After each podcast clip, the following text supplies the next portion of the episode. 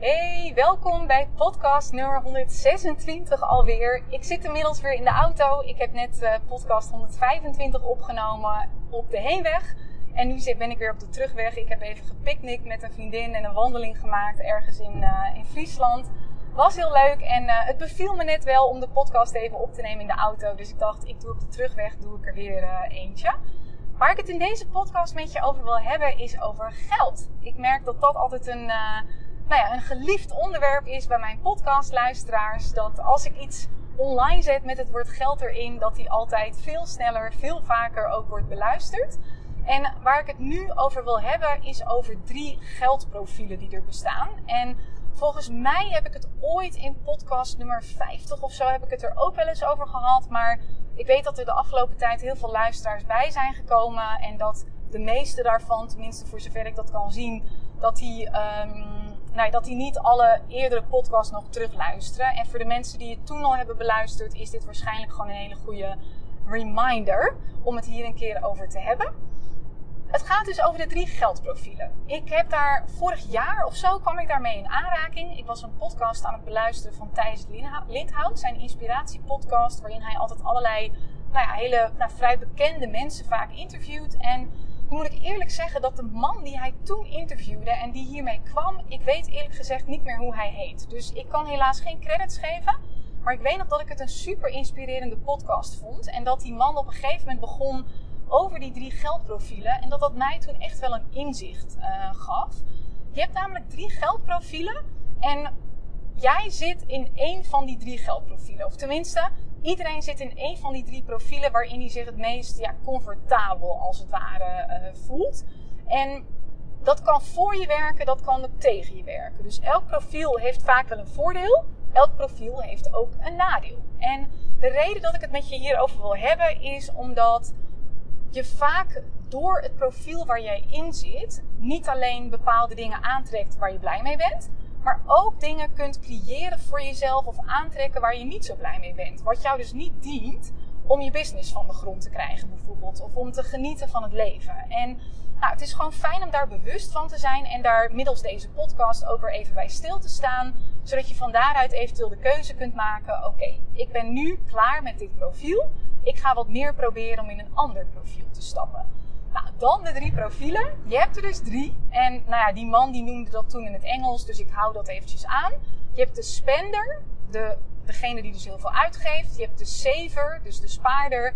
En je hebt de avoider, dus de ontwijker van geld. En wat ik al zei, elk profiel heeft voordelen en heeft nadelen.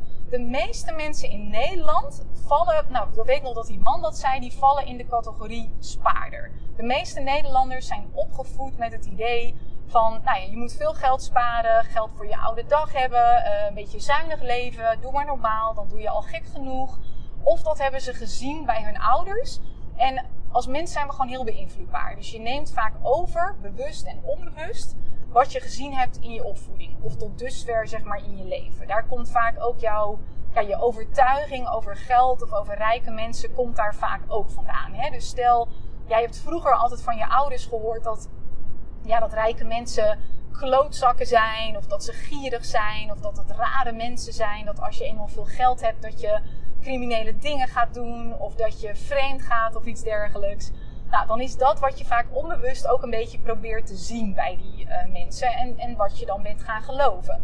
Of dat je gelooft dat geld gedoe geeft, omdat je ouders altijd gedoe hadden om geld. Nou, zo creëer je een soort van geldblauwdruk voor jezelf. En het kan dus bijvoorbeeld zijn dat jij in de saver-categorie valt. Dat zijn mensen die kunnen heel goed sparen. Dus die hebben altijd wel nou ja, voldoende geld op hun spaarrekening om zich als het ware veilig uh, te voelen. Tegelijkertijd voelen ze zich toch ook heel vaak niet financieel veilig. Want in hun hoofd is het nooit echt voldoende en zit er bijna altijd een verhaal van je moet meer sparen. Dat zijn ook de mensen die, als je bijvoorbeeld een dagje naar de sauna zou gaan, dat zij in hun hoofd al een beetje aan het rekenen zijn van, oh ja, hoe, hoe groot gaat de rekening zijn? En die van tevoren dan heel erg kunnen twijfelen ook van, ga ik wel een massage nemen of niet? Dat tikt wel weer aan.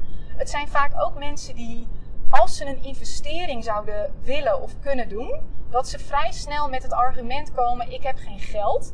Wat dan vaak niet betekent dat ze 0 euro op hun spaarrekening hebben staan, maar wat dan vaak betekent: ik heb wel geld, maar dat hou ik liever op mijn rekening om een bepaald ja, veilig gevoel eigenlijk te kunnen hebben voor mezelf. Dus weet je, die mensen die, nou ja, het voordeel daaraan is dus je hebt altijd geld. Het nadeel daaraan is dat je heel veel moeite hebt om het uit te geven en daardoor waarschijnlijk ook wel eens een kans aan je voorbij hebt laten gaan. Of dat nou een businesskans was omdat je ergens in kon investeren wat jouw hele belangrijke kennis had kunnen opleveren. Of een soort van genietkans. Dus dat je een bepaalde vakantie hebt laten schieten omdat je vond dat je, nou ja, dat het je geld niet waard was. Terwijl dat achteraf gezien eigenlijk meer een excuus was. Nou dus dat is een hele belangrijke. Ik heb daar zelf lang in gevallen. Die categorie, dat was een beetje mijn comfortzone. Nou, dat was aan de ene kant was dat een voordeel, want ik, ja, ik regelde altijd alles zelf wel. Ik had toen ik student was, had ik drie baantjes. Ik, weet je, als ik iets nodig had, dan regelde ik het gewoon. En ik wist altijd, ik, ik ben bereid om te werken. Ik kan geld regelen als ik dat wil.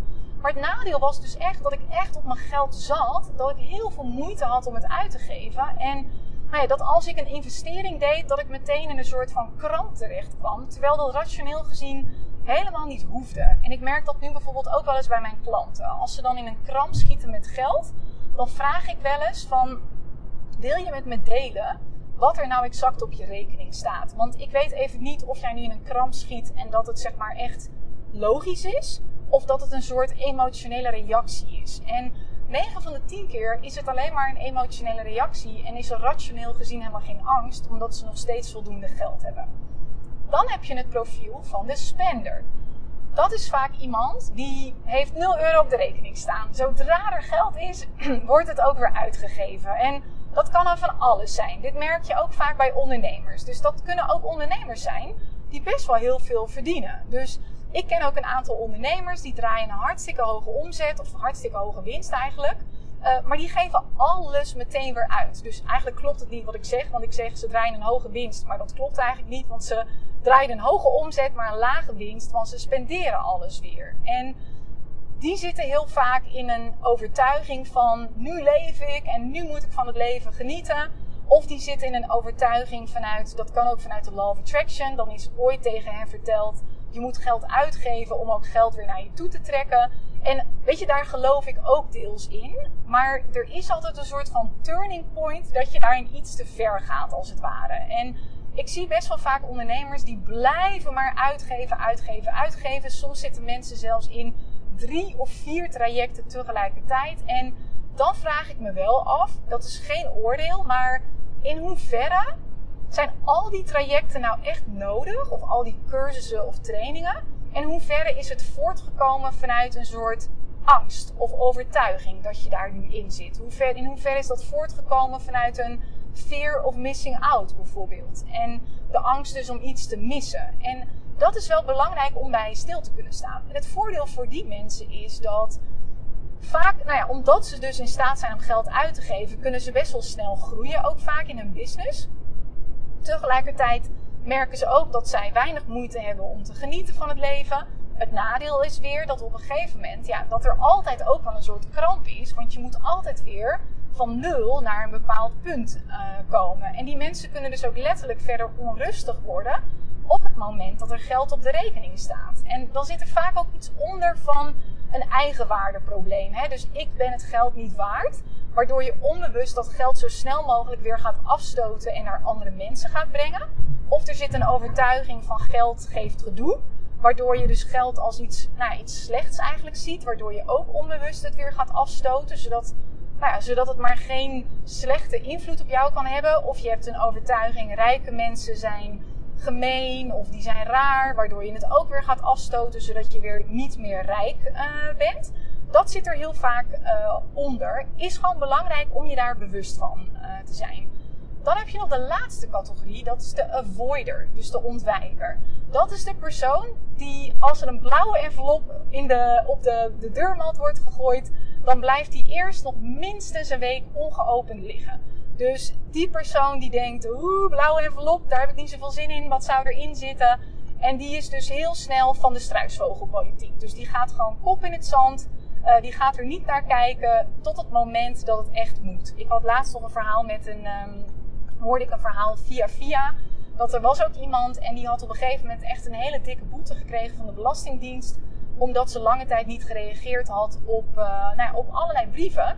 Zij zat zo erg in die avoiders mindset dat zij dus die belastingdienstbrieven uh, dus niet ging, ging openen. En dat kan ook zo zijn met facturen of iets dergelijks. Dus ik ken ook mensen die überhaupt bij bepaalde facturen, dan betalen ze te laat. Dan wachten ze heel bewust op de eerste reminder of iets dergelijks. Tot ze echt een bepaalde urgentie uh, voelen.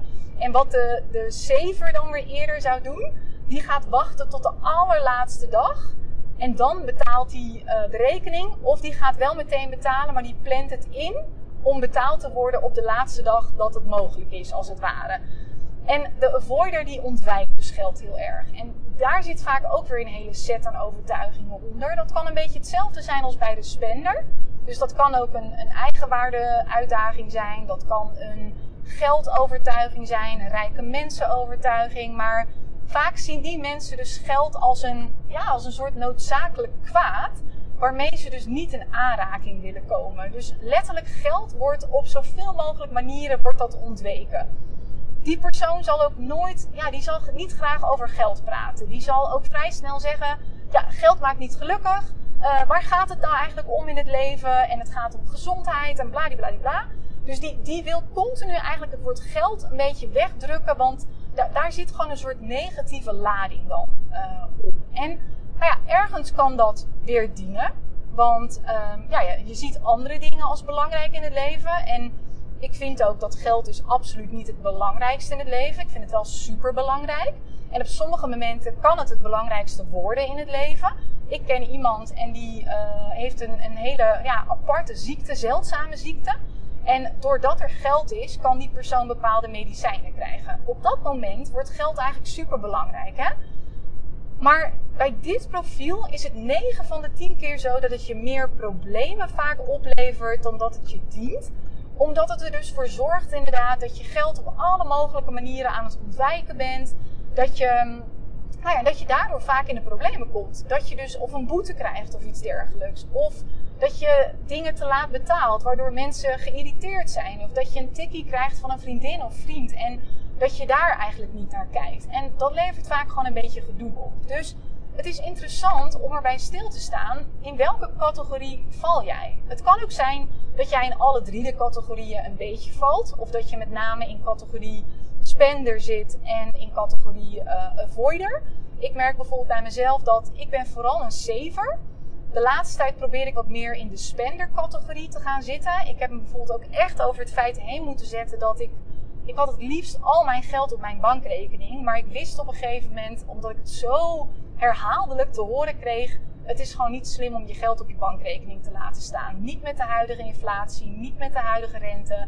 Dus ik ben me daar overheen gaan zetten. Ik ben het op andere nou ja, platformen of in andere middelen gaan investeren. Zo heb ik nu bijvoorbeeld heel veel geld in crypto zitten, in aandelen, dat soort uh, dingen.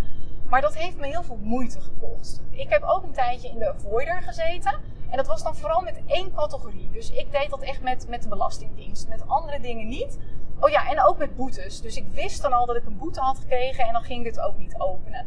Nu probeer ik veel meer een soort van vriendjes te worden met geld. Geld veel meer te zien als een, een energie of als een persoon die ook gewoon letterlijk een soort van aandacht wil in het leven. Die liefde wil, zeg maar. Die op het moment dat die op de, deur, uh, op de deurmat zeg maar, valt, dat hij gezien wil worden. Net als dat jij, als jij bij mij binnen zou uh, lopen, zou je ook gezien willen worden. Zou je willen dat ik even naar je toe kom en zeg: hey, wat leuk dat je er bent, welkom in ons huis. En zo probeer ik ook met geld om te gaan. Dus ik probeer geld steeds meer te zien als een mens. En op het moment, stel, dit heb ik al eens eerder in een podcast genoemd, maar dit is of voor jou weer even een belangrijke reminder, of je hebt dit nog nooit eerder gehoord. Stel, geld zou een persoon zijn. Laten we zeggen, ze heet Merel. Merel staat bij jou en mij in een gesprek. En jij zou zeggen, ja, Merel maakt niet gelukkig. Wat zou Merel denken? Die zou denken, hallo, hoezo maak ik niet gelukkig? Weet je, maak ik dan ongelukkig of iets dergelijks? Dat wordt dan al snel de interpretatie. Dus ik probeer echt te denken, wat zou ik niet tegen mensen zeggen waarvan ik hou? Dat zeg ik ook niet tegen of over geld. Merel zou ook niet blij worden als jij zegt, Merel geeft altijd gedoe ja, hallo. Of Merel die uh, is, is, is arrogant of iets dergelijks. Want dat wordt vaak ook gedacht. Hè? Rijke mensen zijn, zijn arrogant of niet aardig. Ik heb dat laatst ook ergens in een podcast gedeeld. Toen uh, was ik bij de schoonheidsspecialisten. Nou, dat is echt zo'n ondernemer en die vraagt dan iedereen: Oh, wat verdien jij met je business? En toen vroeg ze mij dat ook. En nou, toen vertelde ik dus dat ik een goede omzet draai. En het eerste wat ze zei is: Oh, maar jij bent heel aardig. En toen dacht ik ook: Ah ja, dus haar overtuiging is: rijke mensen zijn niet aardig. Die zijn ja, gewoon een soort evil of iets dergelijks. En op het moment dat dat je overtuiging is, dat is ook belangrijk om op te letten. Hè? Ik zie dit bijvoorbeeld heel vaak gebeuren bij bepaalde mensen richting rijke mensen, richting succesvolle ondernemers. Dan zijn ze op een onbewust niveau heel erg bezig om aan zichzelf te bewijzen. Zie je wel, die ene succesvolle ondernemer, ja, die liegt over de omzet. Of die doet dit, of die doet dat. Dat komt dan vaak omdat er een soort, of er zit een jaloezie onder, of er zit een soort blokkade onder van rijke mensen zijn stom. Waardoor jij iets slechts probeert te zien in een ander. Waardoor jij voor jezelf een soort van je oké kunt voelen bij het, geld, bij het feit dat jij dan zo weinig geld verdient. Dus ik merk dat zelf ook wel eens. Ik ben veel sneller geneigd om een beetje ja, om iets negatiefs te zoeken op de een of andere manier bij succesvolle ondernemers dan dat ik dat geneigd ben om te doen bij minder succesvolle ondernemers. En ik merk dat ook gewoon eerlijk gezegd. Als ik bij andere mensen ook ben, bij andere ondernemers, er wordt bijna altijd wel geroddeld over iemand. Er is altijd wel iemand die eventjes een soort van ja, wil roddelen, wil ventileren over een bepaald persoon. Het liefst een persoon die succesvol is. Komt 9 van de 10 keer omdat daar gewoon of jaloezie onder zit, of een soort overtuiging. Succesvolle mensen zijn dit en dit en dit. Of die, die kunnen geen tevreden klanten meer hebben. Dus je gaat bewust op zoek. Je gaat op zoek naar verhalen over die persoon. Om dat maar te kunnen bevestigen aan jezelf. En dat zal bij mij ongetwijfeld ook uh, wel eens gebeurd zijn. Ik heb dat dan niet direct zo gehoord. Maar dat is dus ook interessant om te weten. Op het moment dat jij merkt dat je dat doet, ga eens voor jezelf te, te, raden bij jezelf. Waarom doe je dat? Wat zit daar nou eigenlijk echt onder? En ik ben daar de afgelopen jaren heel bewust mee bezig geweest voor mezelf. Zodat ik ja, af en toe in die saver-rol kan stappen. Want af en toe is het ook belangrijk om te kunnen sparen. Maar dat ik ook in de spenderrol kan stappen. En dat ik ook veel meer kan omgaan met de overtuiging: rijke mensen zijn fantastisch. Rijke mensen kunnen mooie dingen doen met geld. Of geld creëert mogelijkheden. En ik ben dan, dat doe je aan de ene kant door bewustwording te creëren. Dus dat is ook het doel van deze podcast. Ik wil je helpen om bewustwording te creëren rondom jouw geldblauwdruk, je, je money blueprint. En van daaruit kun je namelijk er beter op letten. Dus de eerstvolgende keer dat jij nu bijvoorbeeld weer in de kramp schiet omdat je een investeringskans krijgt, maar je durft niet, omdat je het geld liever op je rekening houdt, dan zul je kunnen denken: oh, dat zei Tineke toen in die podcast helpt je om er makkelijker doorheen te breken en te zeggen: Oké, maar nu weet ik, dit komt door mijn blauwdruk. Ik ben niet echt in gevaar, want zelfs nadat ik deze investering doe, heb ik nog steeds prima voldoende geld. En dan kun je er doorheen breken. Wat verder ook nog vaak slim is om te doen, om mensen te gaan volgen die jouw overtuiging of jouw gedrag een soort van spiegelen. Dus die iets anders tonen dan wat jij normaal gesproken doet. Dus stel jij hebt heel veel moeite om te investeren Ga eens iemand volgen die juist heel veel investeert en die het ook veel oplevert, zodat je in aanraking komt met de overtuiging: investeren levert geweldige dingen op, zodat het voor jou makkelijker wordt om te investeren. Of um, stel dat jouw overtuiging is: rijke mensen die zijn uh, gewoon raar en die hebben geen tevreden klanten meer of iets dergelijks. Ga eens iemand volgen die het tegendeel bewijst. Ga eens iemand volgen die nou, stel jij vindt het heel mooi als rijke mensen veel geld geven aan goede doelen. Ga iemand volgen die dat doet. Of stel, jij vindt het heel belangrijk dat je en rijk kunt worden, maar dat je klanten nog steeds heel veel aandacht krijgen, heel tevreden zijn. Ga op zoek naar iemand, ga rondvragen waarvan je zegt: hé, hey, die heeft beide. Die is en rijk en heeft tevreden klanten die zich nog steeds gezien voelen door die ondernemer. Ga die persoon eens volgen. Dat maakt dat je overtuiging gewoon gaat veranderen. Dus dat zijn even de dingen die ik je mee wil geven. En ga er eens mee oefenen. En ook nog een tip voor de avoider voor jou is het belangrijk om te oefenen om door die weerstand heen te breken. Dus de eerstvolgende keer dat jij een blauwe envelop krijgt, ga hem eens direct openen. Moet je eerst even door de weerstand heen, dat is echt vaak heel gezond. Als je een factuur krijgt, betaal hem uh, direct. Als je uh, je aangifte omzetbelasting moet doen, ga het dus niet op de allerlaatste dag van de maand doen. Of de allerlaatste dag dat het mogelijk is, zeg maar. Maar ga dat gewoon eens doen direct in de eerste week dat het al kan.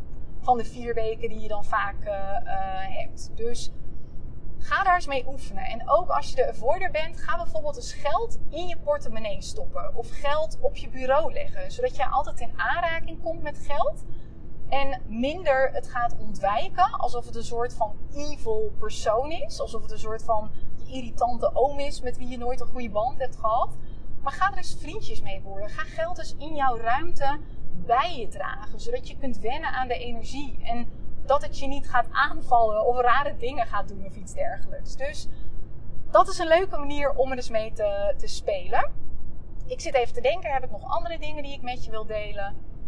Nee, dit is uh, even het belangrijkste. Ik denk dat dat ook voldoende is voor nu. Ga hier eens bij jezelf op letten. Dus vraag 1 is: in welke van de drie categorieën val jij het meest? Wat is dan je tweede categorie? Misschien zit je wel een beetje in ze allemaal, dat kan ook. Dient het je nog? Want kijk, als het je dient, dan is er niks aan de hand. Hè? Ik, weet je, voor mij hoef je nooit te veranderen als er geen probleem is. Maar meestal is er wel een probleem. En dan, dat, dit kan dus een van jouw uitdagingen uh, zijn. Ga dan eens oefenen met je patronen herkennen en dan proberen om er dus uit te stappen. Oké? Hey, veel succes daarmee, veel plezier daarmee, want het is ook gewoon een leuk spelletje, zo zie ik het tenminste altijd. Dus geniet er ook een beetje van. En als laatste wil ik je nog vragen, ik ben bezig om wat referenties te verzamelen op mijn podcast. Ik weet dat je dan altijd hoger in de targeting of zo scoort, dat je beter uh, gevonden wordt. Mocht je nou veel hebben aan mijn podcast, dan zou ik het heel erg waarderen als je 5 sterren zou willen geven op Spotify. Dat kan gewoon door Tineke Zwart Succesvol Ondernemen podcast op te zoeken. En dan zie je bovenin zie je 5 sterren waar je gewoon op kunt klikken. Dus echt in één seconde is het gedaan. Of via Apple Podcast. Dan kun je naar beneden scrollen en dan kun je daar 5 sterren geven. Je kunt ook nog wat woorden erbij vermelden. Nou, dat hoeft niet per se, mag wel. Vind ik alleen maar leuk. Uh, maar daar zou je mij dus enorm mee helpen. En ook een mede-ondernemer, want daardoor wordt deze podcast gewoon vindbaarder. Dus dat zou top zijn. Bedankt voor het luisteren weer en uh, ik wens je nog een hele fijne dag.